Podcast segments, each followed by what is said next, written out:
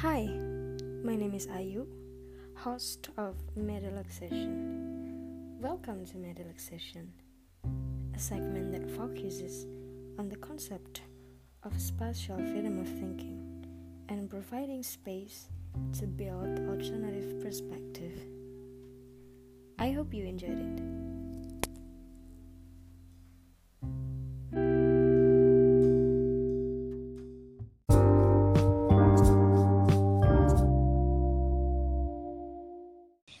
Welcome to Medilux Season episode 2 uh, Back again, gue Ayu. I'm a dog person. Dan alasan gak kenapa gue suka sama dog dibandingkan cat Gue selalu merasa bahwa kucing-kucing di dunia ini tuh Kalau dia dijadiin peliharaan tuh dia berasa raja kan. Nah, dan gue kurang suka Dan gue gak ngerti kenapa ada orang yang punya kucing tuh 14 Cheers, Okay, Gustika Fardani Yusuf. Am I right? Yeah. Okay. Hi. Halo, Gustika. How are you? I'm good. How are Mm. you? I'm good. So, how many cats do you have?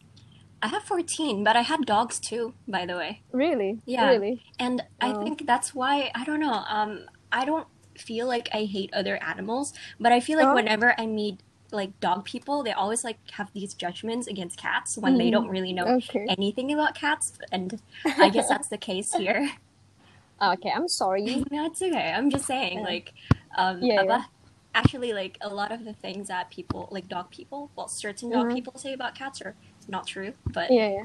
yeah, Uh, nggak kenal maka nggak sayang gitu kan istilahnya. Bener sih, bener sih. Gue pernah ini sih melihara kucing dulu. Mhm. Terus kayak dia kabur gitu. Iya, kucing kan lebih independen ya. Oh. Maybe that's the words I need about cat. Anyway, lu suka banget sama kucing. Apa sih kenyamanan yang lo dapet dari lo melihara, kucing?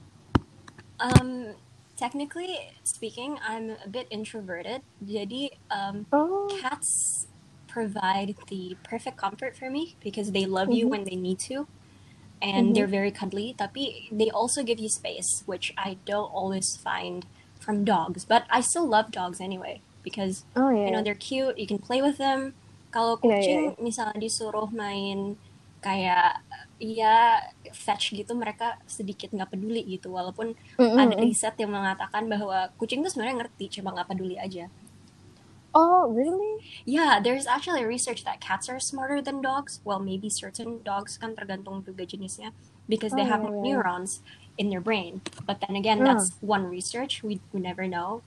But I feel Okay. like each animal have their own different, you know, um, I don't know, uniqueness somehow. Mm-hmm. And it, Tapi, it- kenapa? uh, tapi relatable juga sih kayak I think like uh, dog tuh juga extrovert. Uh, they want to play all day long. Mhm. Bener juga sih. Sometimes they don't give us space. Yeah, I mean, I guess it depends like what sort of animals you like. Kucing Mhm. dari Iya, iya. tiap jenis anjing, tiap jenis kucing kan juga ada apa personality-nya masing-masing ya. Kayak Mm-mm, bener. I don't know. Jadi I don't think we can judge a whole Iya. uh, species based on you know one creature that you True. meet. So yeah. Oke.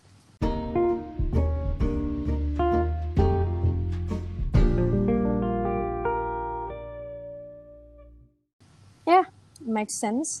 Eh, waktu lo kuliah di London tuh, di King's College tuh, lo bawa kucing juga nggak? Enggak enggak.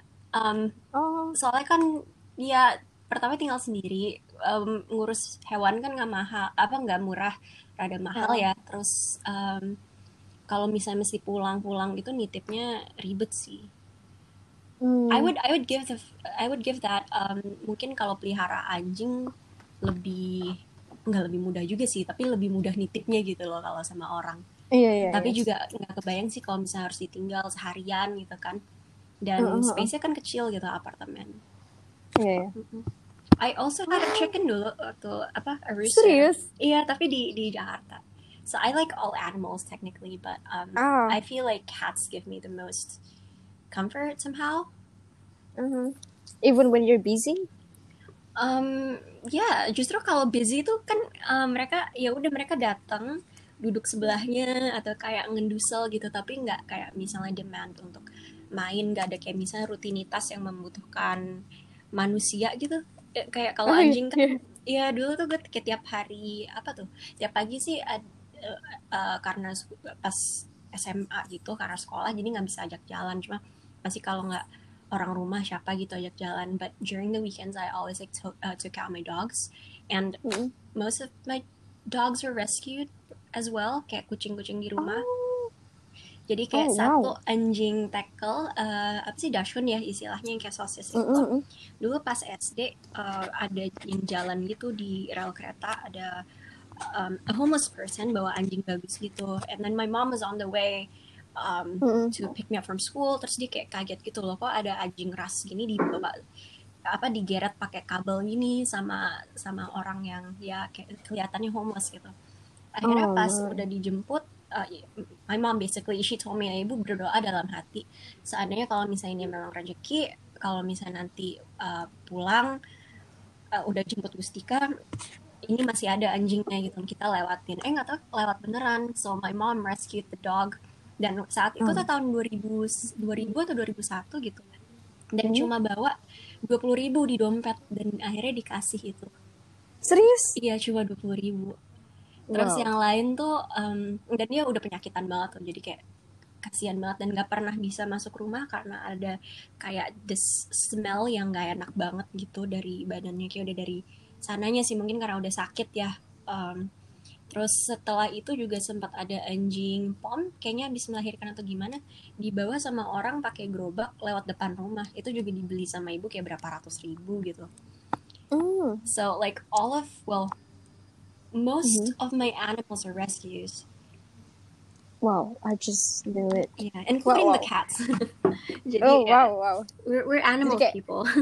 Uh, kucing-kucing kampung, kucing gitu, it's iya, all rescued. iya, Jadi gue baca profile LinkedIn lo kan, iya. you have a lot of activities. Then how you take care of them? I mean, Well, I look. I struggle. Like I'm not gonna lie. I, sometimes I Oh. struggle. Um, I mean, like kalau kalau idealnya kan gue masuk podcast ini kan sejak eh, setengah jam sebelumnya kan ya. But um, I couldn't because I had uh, something to take care of. So um, I personally have a- written schedule dan writtennya tuh kayak pakai pen and paper. Um, jadi di agenda gitu, nggak di apa sih kalau kan Oh. suka elektronik ya. I hate it Mm-mm. so much. oh, Ya. Kalau iya iya iya. dan apa uh, I use the type of um, apa sih agendanya tuh yang ada yang ada jamnya gitu jadi Hmm, nggak yang you're- kosong You're kind of organized person ya. Not really. Um, I Hmm. try I try my best to at least have certain things in my life organized but I'm Mhm. not the most I'm not Marie I'm not Marie, Marie Kondo basically. I'm not the most organized systematic person. I'm a bit eclectic I feel but um on things that I think I could take control I should gitu loh. Kayak I don't know kayak kalau misalnya ke- ke mana gitu pasti tas habis ke, ke, ke suatu tempat pasti tasku tuh isinya banyak sampah gitu let's say because I don't like Mm. ya pas nggak- apa nggak suka buang sampah sembarangan jadinya tuh Iya, kayak ya udah isinya ya tisu tisu apa segala macam so I wouldn't say I'm the Oh. most organized Hmm. ketinggalan dompet sering terus kayak kalau misalnya nggak ditulis ya lupa gitu I'm also slightly Oh. forgetful and depending on on you know what I do so Tapi- yeah that's how I Hmm. try Kita kita ada kesamaan sih. Jadi kadang-kadang gue kalau misalnya nggak ada tempat sampah gitu, jadi banyak sampah di tas gue. Ada satu pepatah uh, dalam bahasa Ibrani itu gamzuli tofa. Eh sorry sorry, tikun alam. Jadi kayak Oke. menjaga menjaga alam gitu loh, repairing the earth. Even kayak lo ke Indomaret terus uh, lo nggak nemu tempat sampah terus struknya lo simpen nah itu namanya tikun alam dan I yeah sama and I feel you with it. Anyway, talking about your activity uh, itu kan ditulis kayak banyak tuh lo tuh magang di UN juga kan. itu tahun 2017 ya Iya. Uh, terus lo founder uh, Girl Peace and Security, right? Yes, sama temen satu. Jadi Mm-mm. um, ceritanya both Uh. of us are um, security, international security defense enthusiasts in a way. Jadi kayak gue kan uh, degree-nya di war studies, dia kalau nggak salah international relations and peace studies terus S2-nya tuh security and conflict management kalau nggak salah ya. Oh, ya ya ya. ya. But um, di Indonesia itu bisa bisa dibilang gitu. I'm not saying it's gonna be like this for the next like 10 years or whatever. Tapi saat Mhm. ini tuh untuk industri defense and security bisa dibilang masih didominasi sama TNI. Mm-mm. Atau um, untuk masalah gendernya kadang membicarakan peace tuh masih nyangkut di kayak religious tolerance. In, I mean, I'm not saying that variasinya nggak ada per se, cuma nggak sebanyak misalnya di di luar gitu. Um, Mhm. Karena kan kalau misalnya kita lihat kayak projects NGO di Indonesia tuh rata-rata tentang lingkungan, tentang pendidikan atau kesehatan ya kayaknya kalau di Mm-mm. Indonesia tuh atau economic development, which is like you know we're interested in development but not in that area per se. Mm-mm. Jadi um, I think Girl Peace and Security is trying to marry the two, um, education and um, defense or security in, in some ways, and it's also like a pun on um, GPS. Kayak GPS kan apa sih? Lupa singkatannya apa. Cuma kan itu alat yang buat nyari orang kan. Jadi kayak where are the women? So that's essentially it. Dan um, kayak rada pengen regenerasi aja sih kayak um, in the defense industry everywhere in the world sang, uh, masih didominasi sama uh, laki-laki gitu. So um, it's one thing to say kayak oh we need more women, but then it's also our responsibility I guess to sort of regenerate the next generation leaders um, untuk di bidang ini gitu. I mean for a fact that uh, I think there's only been two or three um, like signatories to peace agreements yang perempuan. Jadi salah satu alasannya itu kenapa pengen kayak regenerate in some ways. Okay. What is the main problem of this gender issues? Because I think you're so interested with this gender issues.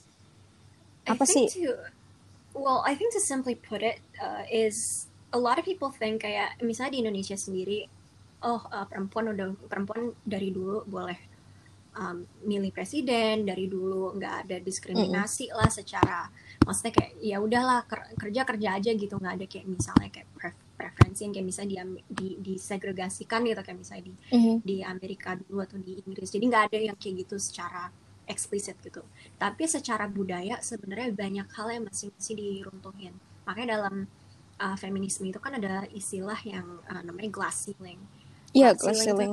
Yeah, exactly. So glass ceiling itu kan kayak langit-langit kaca gitu yang kayaknya Benar. nggak ada, but it's there gitu. So there's it's and it's not easy to you know um, penetrate that glass ceiling. So that's Mhm. why it interests me. Jadi um, masalah gender itu kayaknya ya yang nggak kasat mata tuh yang paling problematik aja gitu. Dan sering kali di brush off gitu sama orang yang mungkin tanda kutip um, menggampangkan atau menganggap isunya nggak ada gitu. Karena fakta-fakta yang kayak kayak itu kita kita pernah punya presiden perempuan atau DPR kita sekarang perempuan gitu. Tapi um, sebenarnya banyak elemen yang masuk di situ. Makanya waktu tahun uh, kayaknya tahun 90 Kimberly Crenshaw itu kan Mhm. she coined the um, term uh, apa intersectional feminism dan itu mengambil kayak misalnya uh, background ekonomi, ras, terus pendidikan dan lain-lain untuk menjadi faktor untuk seseorang itu bisa maju gitu. So that's I think one of the issues that persists but people think doesn't exist gitu. And I think it's one of the main problems. Do you think it is uh, caused by framing media atau konstruksi sosial? Konstruksi sosial definitely. Kalau media, maybe yes, maybe no. I don't know. It depends. I think. Um, Mhm. If you watch Fox News, then yeah, probably because they try to brush it off as if it's something that doesn't happen.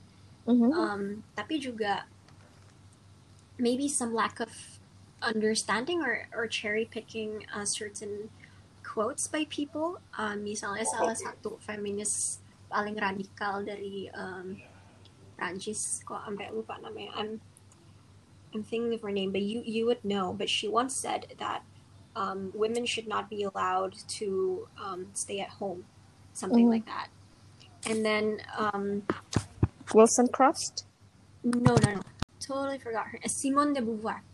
Mm. Yeah, Simone Oh, de yeah, yeah, Beauvoir once Beauvoir. said that Iya, nah itu tuh Iya, kayak iya, quote tahu, itu di, di take out of context gitu. Padahal Mhm. itu satu apa namanya itu kayak dianggapnya tuh apa namanya kayak a lot of people who are against feminism take that as if like it's something rad well it is radical gitu tapi maksudnya tuh sebenarnya dia ngomong kayak gitu gini loh kalau nggak dikasih opsi pasti eh, kalau dikasih opsi pasti saat ini mereka nggak ada yang mau kerja gitu walaupun ada opsinya. Karena konstruksi sosial yang ada yang Mhm. menganggap perempuan itu harus di rumah. Tapi coba lo um, ngewajibin mereka semua kerja. Pasti mereka tuh seneng gitu. It- it's basically like I'm paraphrasing but that's essentially what she means. But then that certain quote itu sering kayak dipakai kayak apa ya um, ya di twist aja as if like um, women are trying to advance um, or step on other men gitu. So um, it's also a lack of understanding that I think is one of the main Hmm. problems yeah So the main problem is the like understanding of of uh, the I could Yeah, say kayak e- roles. exactly. It's it's like basically kayak ketika udah masuk sesuatu tuh langsung ada prejudice ya gitu loh. Mhm. Kayak ketika ketemu orang yang mungkin backgroundnya sedikit berbeda dari kita pasti ada bias atau prejudice-nya gitu. Yes, exactly. And and everyone has, you know, everyone's biased. Like literally everyone in this world is biased yes. because they're they've been taught something and they stick with it or they don't tapi pasti ada gitu jadi it's very important to tackle an issue with facts and not just feelings I feel Mhm. so yeah maybe that's why in my personality type yang MBTI yang akhirnya gue ngambil I'm not a feeling person but apparently I'm very judgmental Oh, eh, lu MBTI-nya apa beda? Apa sih INTJ INTJ. Oh, ya. ya. the most annoying um apa the, the most annoying of introverts apparently Tuh, gue ENTJ. Ah, member sama. Iya, gue Ah. extrovert sih ya. Iya, I'm I'm very introverted and like kalau INTJ itu katanya um, banyak di apa sih kayak misunderstood gitu katanya. But then I don't really believe in these like types or, or so because I Uh-huh. feel like there's also a bias when I fill Yes. it in. Because like I think like oh, I think I'm this way, but apparently I'm not kan bisa juga gitu. Dia bener-bener bener. so like I don't know. Because kayak parameter yang paling apa yang sering digunakan dan paling relatable sekarang kan cuma MBTI ya. Jadi kayak people mengklasifikasikan mengklasifikkan orang-orang tuh ENTJ, INTP, Iya. ENFP dan segala macam. Gue pun ngambil tesnya tuh cuma karena ditanyain mulu gitu loh sama orang terus gue kayak ya udahlah gue ambil terus pas uh, dapet kayak ya udahlah yang penting sama kayak Michelle Obama katanya.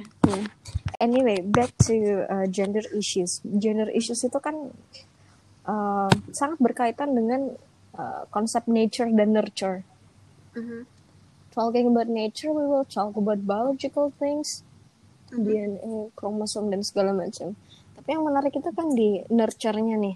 Kalau kita Iya. ngomongin nurture itu kan dari zaman agriculture, it's been patriarchal gitu. Iya. Dari apa? Karena laki-laki dianggap lebih kuat. Terus mereka uh, harvesting and they controlling food. Terus uh, translated into political clout. Iya. So patriarchal apa ya udah udah lekat tuh dari zaman dulu banget kan. Iya, but humans evolve, don't they? So- Even even ko- komodo kan um, mereka kalau misalnya nggak bisa menemukan pasangan ternyata mereka bisa bertelur sendiri. Iya. Sama kayak Jadi- ayam ya. Iya ya, ayam gitu juga ya. Uh-uh. Nah, kalau Tapi- ayam kan it's menstruation, right? Tapi itu It's- infertile. Dia bertelur tapi Iya. infertile. Hmm. Tapi kalau komodo katanya enggak, jadi kayak jadi sendiri gitu. Oh, if I'm really? not mistaken. I think it's komodo ya. Wow, it's a fun fact Cor- correct me komodo. if I'm wrong though. I don't know. Um, I don't know. I Iya, could not correct you. ba- bagi yang dengerin ini coba di, dicari lagi. Tapi ada satu hewan yang yang apa namanya malah bisa bertelur terus telurnya tuh jadi yang laki-lakinya terus they will mate with their um, son, which Mm-mm. is slightly uh, you know messed up if you think about it in human terms, but you know Mhm. nature. But yeah, um, humans evolve, and I think um, I don't know. Sekarang tuh kita nggak bisa memungkiri single mother itu banyak dan Oh ya. um, single fathers pun banyak gitu. So gender issues is not only about women, tapi juga kayak um, kemarin tuh gue baca ada riset di UK. Tapi gue cuma baca headline-nya doang. Gue Mhm. I'll I'll just I'll be I'll admit that like I saw like one of the headlines bahwa ada research katanya banyak orang laki-laki nggak tahu kalau ada paternal leave buat mereka gitu. Oh iya. Yeah, and um, basically what you're trying to achieve is like nurturing nggak hanya dari dari uh, satu orang tua aja kan. I mean, we have to admit that Mm-mm. you know having two parents or whatever, if you can, is actually a great thing. Bukan berarti you know um, this is not me putting down single mothers or single fathers, Yeah. but if you can have both, why not have both gitu sih intinya. Mm. Jadi um, I think nurturing a child should definitely be the job of two parents Mhm. or you know wh- whether they're um, you know two mothers two fathers or Mm. even like a single father or single mother cuma selagi ada tuh kayak bukan berarti peran orang tua tuh harus di- dilakukan sama satu orang aja gitu that I guess Yeah. that's my point I don't know how to word this Mm. you know correctly I, I would say or because I'm not a very good um, communicator I feel No, you're I'm so good at it. misunderstood I can understand your words very well, Yeah. really. yeah but I, I hope like it doesn't get taken out of context like Simone de Beauvoir but yeah maksud maksudnya tuh kayak apa ya um I think seeing nature and nurture um is good too but then we also have to see the facts today Mm. and the fact that we do evolve mungkin kalau zaman dulu masih kayak gitu ya okay. And we have to admit that we also have toxic parents right? Yeah. um, some of us and it, i mean would you rather have that instead? So i think nature and like the nurturing part is a very complicated sort of parenting um, discussion that you need to have with an expert. Hmm. but then um, it is something that we could take into account. Tapi kayak bukan berarti semuanya tuh di dunia ini harus berangkat dari situ gitu that's I think that's what I'm trying to say Hmm. So, uh, correct me if I'm wrong. Jadi kayak lo tuh mikir bahwa satu anak itu harus dibesarkan dalam apa ya? Harus balance antara the the masculine sides and feminine sides. They have to be balanced to apa ya? To raise I, a I kid. wouldn't I wouldn't say masculine or feminine but then I would say like um, it's not just the job of a female Mhm. because in some cases um, in some cases single fathers raise very good children as Mhm. well or two fathers they can raise very good children or even children that are raised by their grandparents or, Yeah, yeah. or so you know their grandpa jadi it's not a strict sort of biological thing Mm. I would say I mean maybe it's biological when it comes to kayak ay- air susu ibu dan lain-lain Mhm. but then um, it's not a woman's job 100% it's like everyone that's involved in their child, Mm. child's life has a role to play if you know what i mean even again even even grandparents or siblings maybe. Yeah, but it's socially constructed that women has the nurture side and they have to raise a kid. It's funny. yeah and and that's the thing like there's this social construction but society's changing which is why it's like a, a very weird situation Mhm. i would say I mean, I was raised by a single mother. My, my father is still around, but then I, gue kan tinggal sama nyokap. Hmm. So I would say I was raised by a single mother, definitely. Mhm. Tapi di jadi di feminis gelombang dua, lo ngikutin ini gak sih sejarahnya feminisme? Ngikutin sih, tapi nggak yang kayak misalnya gue pelajarin banget, soalnya it's very Western centric. Hmm. It's it interests me, but yeah, Hmm. kayak apa ya? Um, kalau misalnya di, you know, well, I I would just say I would just say it's like gue ngikutin, but I just feel like it's quite Western centric. Mhm. That's how I leave it. So, Seenggaknya, seenggaknya itunya sourcesnya ya, karena ya it's difficult. it- It's difficult to describe because it's a very large movement, mhm. and we would have to basically pinpoint the country as well.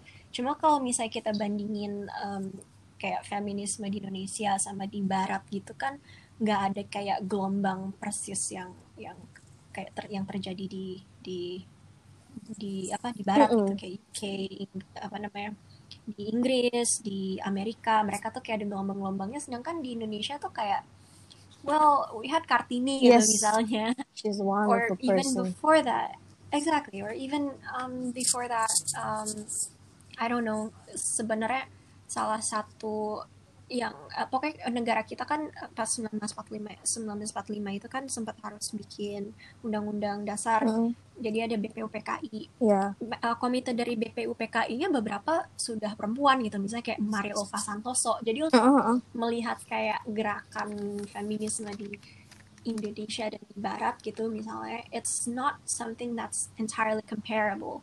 Makanya kayak gue gue tahu gitu tapi nggak yang misalnya ngikutin sejarahnya sampai mendetail dan bagaimana efeknya itu terhadap policy-nya sebuah negara sih kalau boleh jujur. But then yeah I mean obviously like I learned that in class I read about it Mm. but it's not something that I you know focus on entirely. Karena pada akhirnya gue lebih lebih tertarik sama kayak gender dan konflik dan apa yang terjadi setelahnya gitu. Mm, mm, mm. Kayak gue pernah nulis satu esai tentang geng motor yang sebenarnya kayak it sounds like this is ridiculous. It's, it's nothing to do with feminism, but then there's a lot to do with it. Jadi ketika setelah Perang Dunia Kedua terus uh, ada apa namanya kayak laki-laki itu pada displaced, pada nggak tahu gimana caranya integrasi lagi ke dalam sebuah society karena sebelumnya kan mereka udah di dalam kemiliteran yang kayaknya strict banget gitu budaya maskulinitasnya.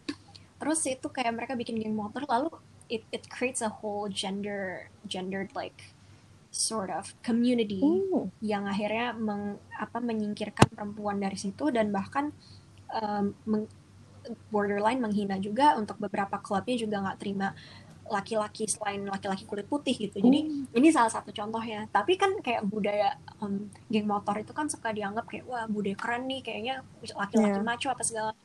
But there's actually like racism and sexism behind it Mhm. yang pas awalnya terbentuk dan itu kan ke bawah juga kan ke ke misalnya ya Indonesia gitu. Walaupun nggak 100% ada gitu di di klub-klub Harley gede atau Mm. whatever. Like I'm not saying it's like that.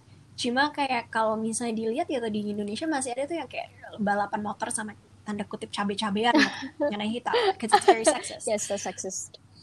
But we Yeah, also but then I think it but we also have Yeah, but it- though.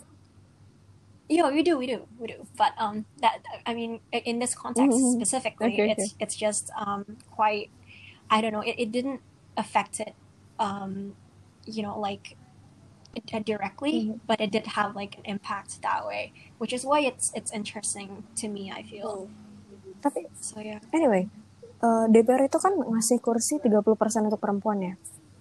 Mhm. But in fact, nggak nggak sepenuhnya itu terisi ternyata 30% ini. So that's Yeah. there's a barrier about women untuk menempati kursi-kursi politik. Don't you think so?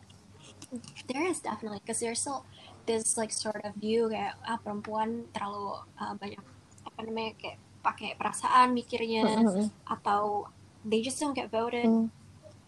or at the end um, and that's why Kimberly Crenshaw talked about international um, I mean uh, intersectional um, feminism Mhm. it's because siapa perempuan mana sih yang di-elect ke dalam uh, apa namanya men- untuk mendapatkan kursi tersebut gitu Mm-mm. are they privileged women or are they definitely like marginalized Mhm. women who know what are the struggles of everyday life like people in everyday life so that's one example I feel So and um, actually berarti the problem itu kan bukan di 30 persennya.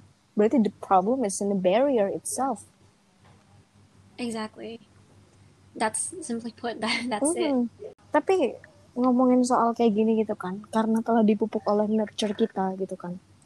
Eh kita tuh jadi ada orang-orang yang emang udah ngikutin nurture aja udah, and then they don't they don't aware terutama perempuan tentang sebenarnya tuh kita bisa bisa melakukan banyak hal kita kita bisa menempati kursi-kursi politik dengan tanpa privilege 30% ini we can do it by ourselves and we can remove the barrier tapi orang-orang nggak aware kan Yeah.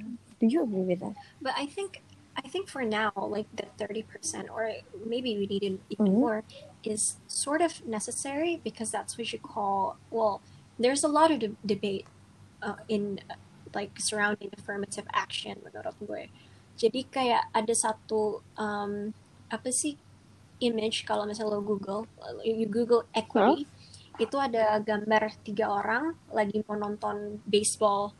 Nah tiga orang itu tingginya berbeda jadinya kalau ada yang nggak butuh uh, step untuk nonton ada yang butuh step lebih tinggi dan ada yang butuh step biasa Mm-mm. aja.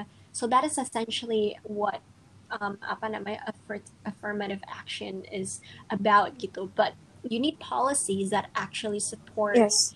you know um, these like equitable efforts gitu. Karena kalau misalnya sekedar narok cuma kayak oh ya udah selesai like add women and stir it's not gonna work. So that's an issue. Iya. Kan yang jadi masalah kita ketika orang-orang itu nggak aware, they don't they don't know and they just let it be dan itu akan memupuk nurture kita untuk untuk uh, I could say it's patriarchal nurture gitu kan. So menurut Iya. kamu gimana sih cara apa menurut Gustika nih gimana sih cara biar teman-teman itu aware dengan cara kita ngangkat nih urgensinya tuh apa sih apakah dari segi pendidikan gitu kan atau dari segi apa? What do you think about it?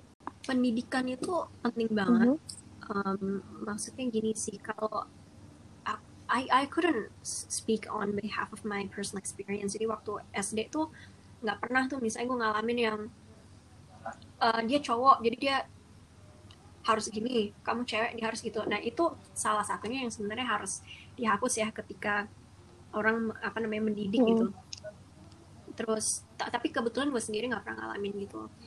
Dan uh, untuk uh, ya feminisme itu sendiri dan uh, isu-isu seperti ini sebenarnya perlu dipahamin juga sih di sekolah-sekolah diajarin gitu melalui pendidikan apa sih maksudnya gitu kenapa sih namanya feminisme bukan misalnya equality action or, or something like that. Jadi memang di breakdown gitu sebenarnya isunya apa. Dan uh, tentu perlu apa ya um, sel- kalau misalnya nggak berhubungan dengan dengan kayak feminisme itu sendiri yang yang apa namanya secara teori Mhm. juga pengajaran ya perlu Hmm. gitu uh, sensitivitas gitu dari guru-guru kebetulan gue bukan pendidik ya Mhm. jadi it's quite ya tapi juga di sisi lain kayaknya butuh dorongan dari dari beberapa penga- pendidik pengajar untuk uh, ya seandainya ada satu anak nih yang di rumahnya itu mereka mengalami suatu hal yang sedikit seksis gitu. I think it's a teacher's jobs or even you know orang di rumah sebaliknya lah itu untuk apa menyadari gitu problem di masyarakat untuk membuat mereka sadar problem di masyarakat Hmm. apa gitu misalnya gue dengan girl peace security ini uh, kita masih berdua gue dengan teman gue Echa kita tuh pengen uh, yaitu how to regenerate next generation le- leaders in international politics in in defense and international security. Mhm. dan uh, ini memang satu ap- apa namanya satu sektor yang perempuan tuh jarang mau masuk gitu. Ketika masih kecil kapan sih misalnya uh, nanya gitu anak perempuan kamu mau jadi apa? Kalau gede Mak, saya mau jadi tentara. Itu kan jarang banget Yes. gitu. Nah saya mau jadi pilot. So we're trying to basically we what, what we want to do in the long run is educate kids in order to like girls Mm. in order to you know have a vision yang enggak apa sih sempit di di sesuatu yang society udah udah tetapkan buat mereka but we haven't started because we're we're, we're not technically educators so we're trying to develop like some sort of curriculum find the right people that could help Yes. us in doing so jadi masih proses sih so I don't want to you know jinx it and speak too soon Mm. but if you know any of you want to offer to help if you're listening Mhm. boleh juga Yes, you guys. Tapi berarti eh, apa yang Gustika apa ya concern sekarang tuh udah concern Kartini dari dulu banget. Oh baca ini gak sih abis gelap terbitlah terang tuh selesai Kartini? Enggak, gue nggak, gue baca beberapa yang kayak beberapa halaman. Cuma I don't want to say I read the entire thing because I iya. didn't. I'll, I'll admit, I'll, I'll admit Hmm. that. Uh-uh. Tapi uh, baca sih dan gue ngerti banget struggle dia di saat itu dia yang udah punya privilege aja kayak gitu gimana yang lain Bener. dan pada akhirnya uh, yang gue sedih sih dari dari kartini kenapa dia um, apa she basically had to concede and become the fourth wife of some some dude right? Mm. sebetulnya. Beda sama filmnya. Kalau di filmnya kan dia kayaknya nikah dan independen. Dan dia harus harus let go apa harus let go beasiswa yang dia sebenarnya dapat dari dari kerajaan Belanda. Dari kerajaan Belanda atau dari mana sih? Lupa. Pokoknya pokoknya dari Belanda. Mm, mm, mm. Lo punya ini gak sih? Role model gitu? Uh, Maria Ulfa Santoso sih kalau di Indonesia kalau di luar mungkin saat ini Michelle Obama Oh ya. one of them or um, RBG Do you like Alexandra Ocasio-Cortez? Yeah, I love Alexandria Ocasio-Cortez. Yeah, yeah. Yes, I mean, there's a lot of women that you know can be admired. Mhm. What is What is your favorite idea about them? Well, for okay, uh, masing-masing ya. Kalau Maria Ulfa Santoso, she's the first um, law graduate from Leiden University. Oh. Terus dia itu BP, um, ya dia itu salah satu yang uh, menulis, merumuskan BP, di, jadi di, di tim BPUPKI di situ. Terus um, she is also like I think menteri sosial, jadi menteri perempuan pertama. Jadi dulu menteri sosial kalau nggak Hmm. salah dan pernah jadi sekretaris negara or so, Mhm. Atau sekretaris kabinet Iya, lupa. I'm sorry. Terus um, apa namanya? uh, but yeah, she she doesn't have children if I'm not mistaken. Jadi kurang banyak yang misalnya menulis soal dia gitu. And you know, you can like orang orang-orang bisa teriak gitu soal kayak privilege or whatever. Cuma kalau misalnya nggak, kadang tuh orang nggak mau ngulik sesuatu kalau nggak ada duitnya dan kalau misalnya nggak ada duitnya yang mau ngulik paling keluarganya Mhm. gitu so there's not much written about her unfortunately. So that's one. Terus kalau um, Michelle Obama herself, I just like the fact that you know she had a brother and you know like kalau misalnya nonton nonton um, The Coming tuh lucu sih like her brother's always been the favorite but then she's always confident in I mean not always but she became confident in her own skin and um, you know a girl from the south side of Chicago I think it's admirable dia bisa sampai jadi lawyer gitu dan you know she's supportive of her husband without you know like but by being like without letting go of herself if that makes sense. So I admire that like how she's very true to herself. Jadi bukan sekadar kayak trophy wife doang gitu you know what I mean? And then there's um, also RBJ for I mean RBG obvious for obvious obvious reasons um, Ruth Bader Ginsburg karena dia. Yeah well there's so much thing she did to basically change the future of American women. It's amazing. Terus um, AOC definitely like how gimana ya? Kayak gue personally ada hal-hal yang gue relate gitu loh. Ketika misalnya dia lulus uh, dari dari S1-nya ya dia sekarang kan baru S1 juga. Mhm. belum grad school or whatever. Dia harus bantu orang tuanya dan work you know like bar jobs bartending and everything. I mean I've never I've never become a bartender. Cuma maksud gue tuh kadang uh, orang suka punya persepsi kayak udah bagus-bagus lulus dari sini kok cuma jadi ini gitu. But then there are certain struggles you know that Mhm. you know need to support yourself financially. Jadi kadang tuh harus lebih berpikir pragmatis daripada uh, ambisius gitu. Tapi selagi dia jadi uh, bartend- uh, bartender kan dia juga uh, community organizing dan lain-lain. Dan akhirnya um, dia menang gitu di di congressional district dia. Karena usaha dia yang keras juga. Dia kenal sama orang dia kampanye dia tahu masalah-masalah di districtnya. Mhm. so she's a very well-rounded person. I love AOC Yes. um so yeah I mean there's so much to love about these women Yes, exactly. So, Dari semua tokoh-tokoh yang kamu yang Gustika sebutkan itu sebagian besar itu kan mereka masuk di apa namanya di kursi-kursi politik. Kalau Michelle Obama, we know Obama is a, was a president. Do you interested Yeah. untuk masuk politik? Especially in Indonesia. Um, for for now, no. I mean, um, I once said kalau misalnya ada Green Party, I think I would want to do it. But then seeing how the system is built at at the moment, I think I could make greater contribution on the sidelines. You know what I mean? I think um, I would think kalau misalnya langsung masuk itu bakalan gak, bukan bakalan gimana-gimana sih cuma kayak I'm just not gonna make anything I'm not gonna do anything meaningful that's something I already know Mm. Jadi for now definitely nggak ada nggak ada interestnya karena alasan itu. Tapi kan kita nggak tahu Indonesia dalam 20-30 tahun lagi. So I'm not gonna jinx it and say like kayak so idealis kayak enggak gue gak masuk politik Oh, yeah. apa segala macam. Tapi if the situation is dire not dire but like if the situation is um apa ya kayak um I don't know what's the word but if the situation would let me do something meaningful and, and impactful why not gitu. but right now I don't think the situation would allow me to do that so Mm. right right now like with the system that there is it's a definite no Mm. gitu jadi kayak again gue gue nggak mau ngejing sesuatu nanti kayak apa 20 tahun lagi 20 30 tahun lagi orang dengerin podcast ini kayak lah katanya nggak mau mas Iya, iya, benar-benar. It's it's not that like gue nggak bisa predict uh, apa nggak bisa prediksi masa depan gimana True. Tapi knowing your awareness about others, about social gitu, gue berharap banyak sama lo sih. Kayak one day you will sit in that chair. You know, oh my god that's so much pressure you. tapi Iya. kayak gue gue nggak kebayang sih gitu kayak misalnya harus jadi bagian dari DPR yang mengiyakan omnibus law misalnya Okay. dengan cara seperti itu. Can you imagine Yes. that? So I would actually feel it would be more advantageous for the political party to have me rather me being part of them if that makes Mm. sense. Kayak for now that's how I see it.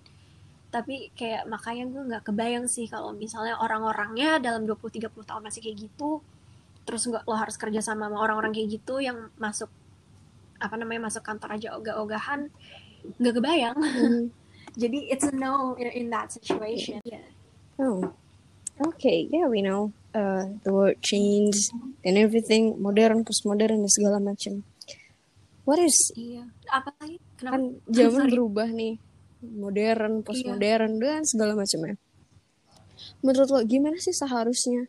eh, karena dari tadi kita ngomongin soal eh, gender issues, gimana sih seharusnya laki-laki dan perempuan baru dalam tanda kutip itu, ya relating to your movement ya, harus itu seperti apa sih? Mhm.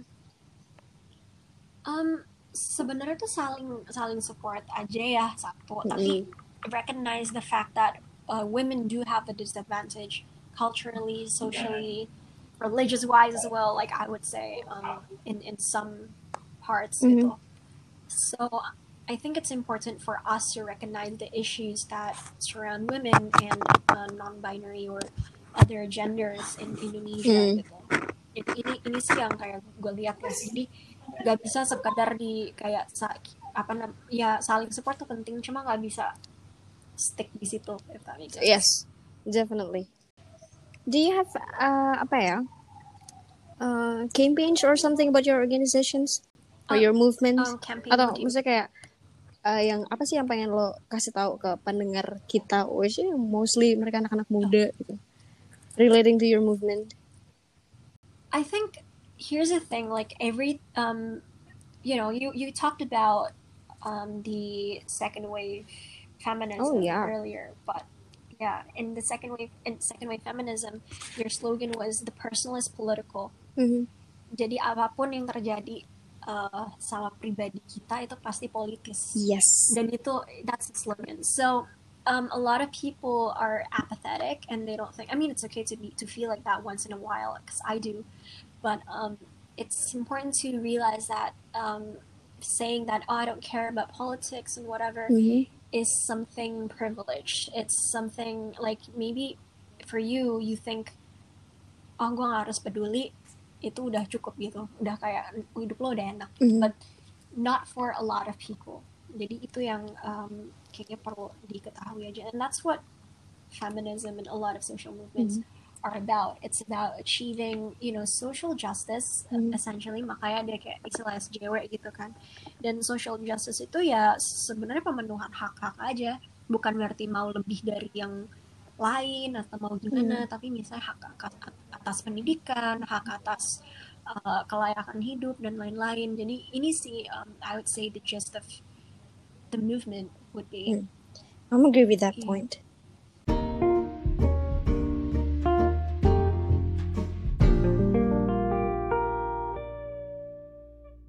Before we end this podcast, I want you to mention uh, apa ya satu frasa gue akan nyebutin beberapa tokoh dan ya you mention satu frasa yang menggambarkan tokoh itu menurut Gustika. Oke, okay? first Megawati. Oh damn. um, first one president. Oke. Okay. Hmm, Alis Mardiasi. Oh my gosh, she's uh, she's a friend of mine and she's fun. Um, how do I say this? Um, he I, I would quote uh, not quote I would mention ini apa judul bukunya dia hijrah jangan mm -hmm. kejauhan bener, ya, bener, bener. salah. yeah. That's the point. Donald Trump lagi panas nih. Uh, I don't even know. Um, orange man person um, who dances weird. Okay. Kenapa? Ben sorry? Oh, Ben Shapiro. Um, I don't know. Hmm. Black. I would Okay. say. Um, Muhammad Hatta. Um. Oh my god, that's a difficult one. Ya? That is the Um, difficult part. Iya, kalau salah soalnya dikatain.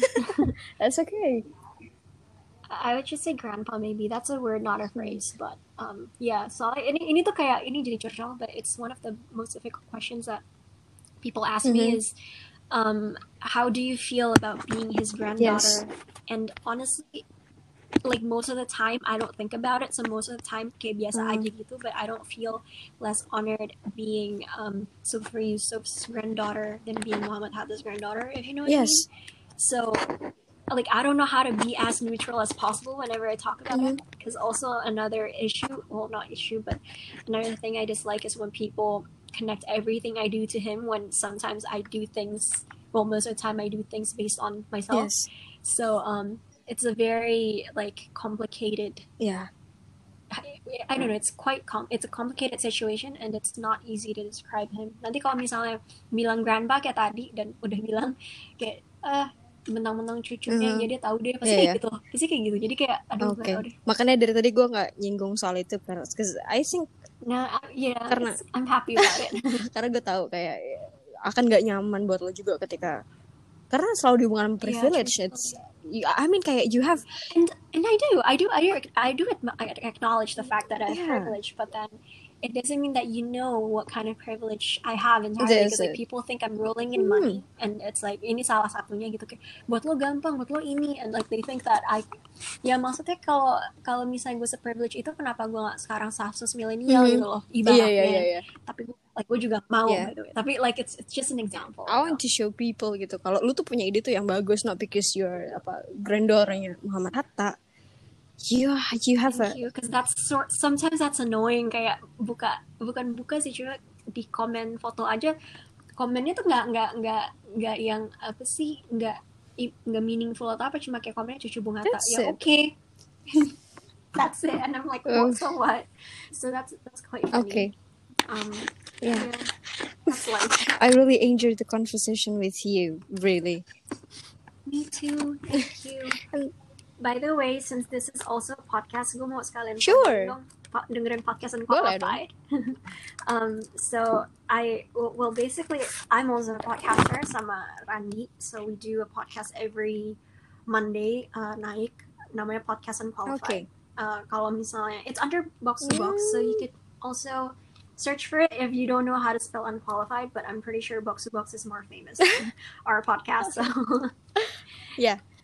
sure Yeah. jangan lupa juga nonton uh, dengerin podcastnya Gustika yeah we talk about like different things in Mhm. life every day Yes. minggu ini bakalan bakalan ngomongin uh, apa namanya kejadian hampir oh wow that's a philosophical I will listen for sure Yeah, we're we're recording tomorrow. No, on Friday. So this is Wednesday. We're recording Okay. on Wednesday. So okay that's all Yeah. that's all for today really nice to talk to Thank you you so makasih much. udah nyempetin waktu nice talking you too. really nice to talk to you Gustika I hope Thank you have a you. nice day You Thank you so too. much ya.